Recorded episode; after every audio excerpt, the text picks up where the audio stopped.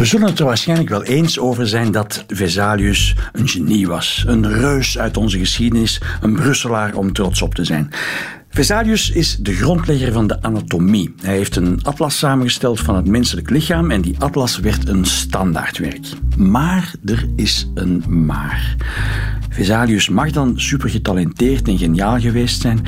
In die anatomische atlas beweert hij een paar zeer merkwaardige dingen. Als je in zijn atlas bladert naar de afbeelding van de vrouwelijke geslachtsorganen, dan lijkt het alsof Vesalius ervan overtuigd was dat vrouwen een penis hebben. Een inwendige penis. De tekening van de opengewerkte onderbuik van de vrouw, die baarmoeder lijkt gewoon op een penis. De eierstokken zijn een soort van testikels, de baarmoeder een scrotum en de schaamlippen een vervormde voorhuid. Vesalius valt hierbij een heel klein beetje van zijn sokkel. En van de clitoris is bij Vesalius al helemaal geen sprake. Dit is Het Geheugen van de Mug. Een podcast van Radio 1 over historische gebeurtenissen die de geschiedenisboeken niet hebben gehaald, maar die te mooi zijn om niet te vertellen. Met Koen Filet. Tine Klaas, u onderzoekt de geschiedenis van de seksualiteit. Hij heeft erover gekeken, hè? Vesalius heeft de clitoris nooit ontdekt. Hij wist eigenlijk niet waarvoor het diende, ten eerste. En hij zei ook dat het niet bij alle vrouwen voorkwam. Dat het een soort van foutje van de natuur was. Een van zijn leerlingen, Colombo, had wel de clitoris correct getekend in, uh, in zijn werken en ook het aangeduid als het vrouwelijke lustorgaan. Ah, ja? Maar Vesalius zei tegen zijn leerling dat dat uh, onzin was en dat hij dwaalde. Ja. ja. en het probleem is dat de uh, reputatie van Vesalius zo reusachtig is dat die foute ideeën over de clitoris en de vorm van, van, van de inwendige geslachtsorganen van de vrouw, dat dat heel lang is blijven resoneren. Hè? Ja, het kernidee van, van, van Vesalius zijnde die vrouwelijke geslachtsorganen, die zijn een soort van naar binnen gekeerde mannelijke geslachtsorganen. Dat is echt heel oud. Hè? Het is niet Vesalius die dat bedacht heeft. Nee. Nee, dat is eigenlijk Vesalius die zich plaatst in een traditie die teruggaat tot de oudheid. Um, ja, Galenus in de tweede eeuw na Christus zei dat ook. En doorheen heel die middeleeuwen is dat eigenlijk het kernidee van de vrouw is een soort naar binnen gekeerde man een soort mislukte man ook. Ja, een mislukte man, een, wel een minderwaardige versie ja. van de man. Dus het idee was dat bij die man die geslachtsorganen beter waren ontwikkeld en dat die daarom langs de buitenkant zaten, terwijl dat bij de vrouw langs binnen was blijven ja. zitten. Ja. Ah ja, ja, blijven zitten. Ja. Nu, het was lange tijd ook raadselachtig hè, hoe de voortplanting werkte. En wij weten nu, eicel, zaadcel komen samen. Hoe dachten ze toen dat het werkte? Eigenlijk was het idee, en dat past ook ja, bij dat grotere beeld van de vrouw is een naar binnen gekeerde man, men dacht dat je voor de bevruchting, voor voortplanting, zowel mannelijk als vrouwelijk zaad oh. uh, nodig had. Vrouwelijk zaad? Ja. Dus eigenlijk dacht men ook dat een vrouw moest klaarkomen om zwanger te kunnen worden. Om dat vrouwelijk zaad te produceren. Ja. Zodat het in contact kon komen met dat ja. mannelijk zaad. Ja, en daaruit ontstond een kind. Ja. Dat was de idee. Ah, dat staat een beetje haaks op mijn beeld van vroeger tijden. Namelijk dat het orgasme en het klaarkomen, ja, dat is een mannelijke zaak. En bij de vrouw komt dat pas ter sprake. Ja, waar ergens? In de jaren 70 van de 20e Bij eeuw. de feministische... Ja, maar, maar dus vroeger dacht men werkelijk dat het klaarkomen van de vrouw noodzakelijk was om tot zwangerschap te komen. Ja, Dat is niet dat klopt. Je kan dat dan heel positief gaan interpreteren. Hè. Zo van vrouwelijk genot was belangrijk, want je had dat nodig voor voortplanting. En ten dele is dat ook wel waar. Maar ja, het was natuurlijk wel altijd in functie van de voortplanting. Dus gewoon plezier voor het plezier, dat is nog iets heel anders. Ja. Hoe je net tot dat vrouwelijk orgasme moest komen, dat is dan ook weer een vraag die doorheen de geschiedenis op verschillende manieren beantwoord is geweest. Dus je hebt ook wel middeleeuwse denkers die dat um, beweren dat de vrouw automatisch klaarkomt als de man klaarkomt. Nu, er zijn ook zoals Colombo hè, bijvoorbeeld, die um, wist wel dat die clitoris een belangrijke rol speelde in het vrouwelijk orgasme. Maar die is wat tussen de plooien van de geschiedenis gevallen. Ja, de clitoris, dat is een interessant verhaal, want die is doorheen de eeuwen uh, verschillende keren ontdekt en vergeten ja. Um, ja. geweest. In de 19e eeuw was hij vergeten, hè? De 19e Dan was hij eeuw. vergeten, ja. ja. Hoe kwam dat? Wat is er gebeurd? Eigenlijk tot en met de renaissance leeft die idee van, wel, voor bevruchting heb je zowel mannelijk-vrouwelijk zaad nodig, vrouwelijk orgasme is um, belangrijk. En in de 16e, 17e eeuw had je ook kennis over de clitoris. Dus eigenlijk qua vrouwelijk genot heb je dan wel een aantal dingen die wij nu in verband brengen met de jaren 70. Ja. Maar in de 19e eeuw wordt de eicel ontdekt. Dus in 1827 ontdekt Bombard de eicel. En wat blijkt nu? Dat vrouwen um, helemaal niet opgewonden moeten zijn, laat staan dat ze moeten klaarkomen om bevrucht te worden. Heel dus die dat eis... oude verhaal van het vrouwelijke zaad ja. komt te dus, vervallen. dus vrouwen die ovuleren sowieso, en dat heeft eigenlijk niets met lust te maken, Nee. hè, is dan de ontdekking. Dus dat is medisch. Maar ook maatschappelijk heb je een aantal verschuivingen. De burgerlijke en politieke cultuur die ontstaat na de Franse revolutie, dat is echt een mannencultuur. Hè. Dat is een cultuur waarin alleen mannen eh, stemrecht krijgen, waarin alleen eh, mannen die nieuwe burgerrechten gaan exploiteren en waarin vrouwen steeds meer in de huiselijke sfeer worden geduwd. Dus dat is een cultuur waarin dat de man actief is Ja. en de vrouw passief En ondergaat. en ondergaat. En die ideeën vinden ook hun weerslag in de slaapkamer. Er werd in die tijd ook beweerd dat het mannelijke zaad een soort van functie had in de vrouwelijke gezondheid ook. Hè? Ja, dat klopt. Ja. Eigenlijk was voortplanting alleen in orde volgens de katholieke moraal als er kinderen van konden eh, komen. En in die zin mocht zaad niet worden verspild, bijvoorbeeld door masturbatie, maar ook niet door bijvoorbeeld eh, coitus interruptus of door een condoom, dus door geboortebeperking.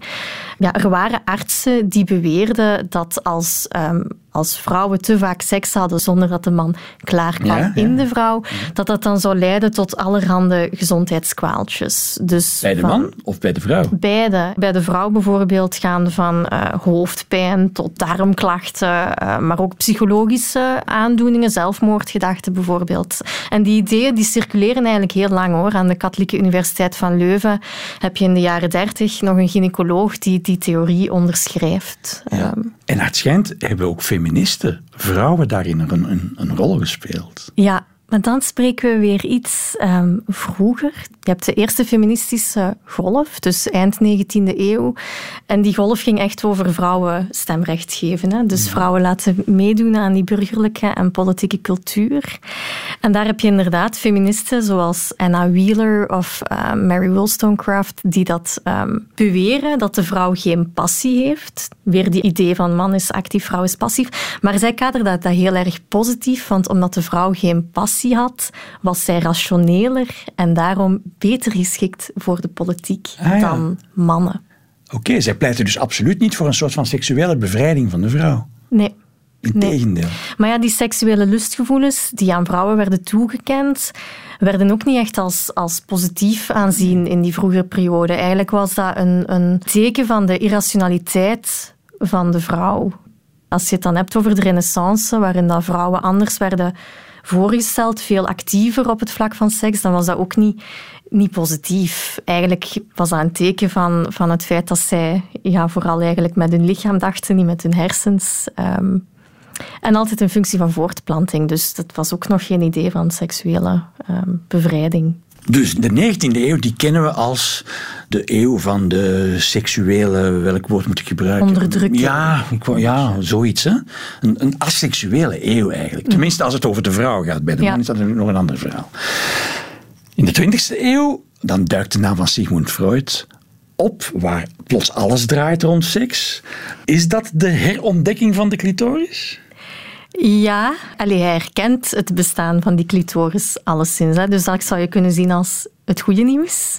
Het minder goede nieuws is dat hij die clitoris bekeek als een lustorgaan voor meisjes Oh. en niet voor vrouwen. Oh, Hij vond het heel normaal dat kinderen bijvoorbeeld ehm, wel masturbeerden. Eh, clitoraal of met die clitoris bezig waren. Maar heb ik dat als een kinderlijke vorm van seksualiteit, die dat ook te maken had met penisnijd, want daar wist ook Freud uh, een het ander van. En hij stelde dat bij normale vrouwen, bij een normale ontwikkeling, dat dan in de adolescentie die seksualiteit um, zich keerde naar de vagina. Dus dat je een overgangsfase had, dat heette in zijn denken de clitorovaginale transfer. Ja. Dus dat je een repressie had van die clitorale seksualiteit ten voordele van de vaginale um, seksualiteit. Dus in een notendop, normale volwassen vrouwen willen een vaginaal orgasme en geen clitoraal orgasme. En hij zag ook een onderscheid tussen die twee vormen van orgasmes. Ja. Een, een hiërarchie ook. Clitoraal is uh, kinderlijk en, en voor zwakzinnigen, zei je zelfs, geloof ik. Hè? Ja, ja. Dus als vrouwen niet konden um, klaarkomen door penetratie. Dus als zij geen vaginaal orgasme konden bereiken, dan vond Freud ze frigide. Ja. Dus dan was hun seksuele ontwikkeling onvoltooid en abnormaal. En ondertussen weten wij dat de meeste vrouwen niet tot een orgasme komen op eh, vaginale wijze. Dat de clitoris daar een essentiële rol in speelt. Dat een vaginaal orgasme gewoon niet bestaat. Gewoon niet bestaat. Uh, ik, ik, sta er echt van te kijken. Nu, Eigenlijk het onderscheid vaginaal-clitoraal orgasme wordt momenteel niet meer erkend, omdat ook die orgasmes door penetratie eigenlijk komen door stimulatie van de clitoris, wat een veel groter orgaan is dan alleen dat knopje dat ah, zichtbaar is. Dus eigenlijk um, vrouwen die klaarkomen door penetratie, dat komt ook door de clitoris, maar die, die dan gestimuleerd wordt gestimuleerd wordt, langs de binnenkant. Dus uh, volgens Freud waren quasi alle vrouwen, of nee, alle vrouwen frigide.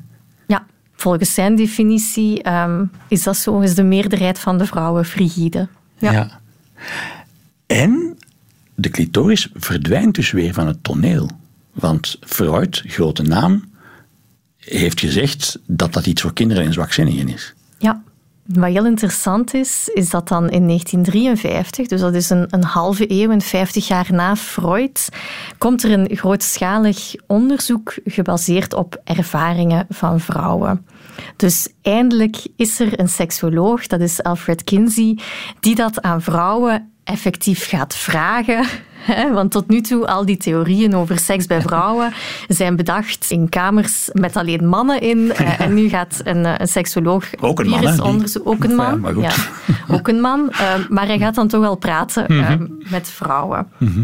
En wat blijkt, dat het overgrote meerderheid van de vrouwen nog nooit een vaginaal orgasme heeft gehad.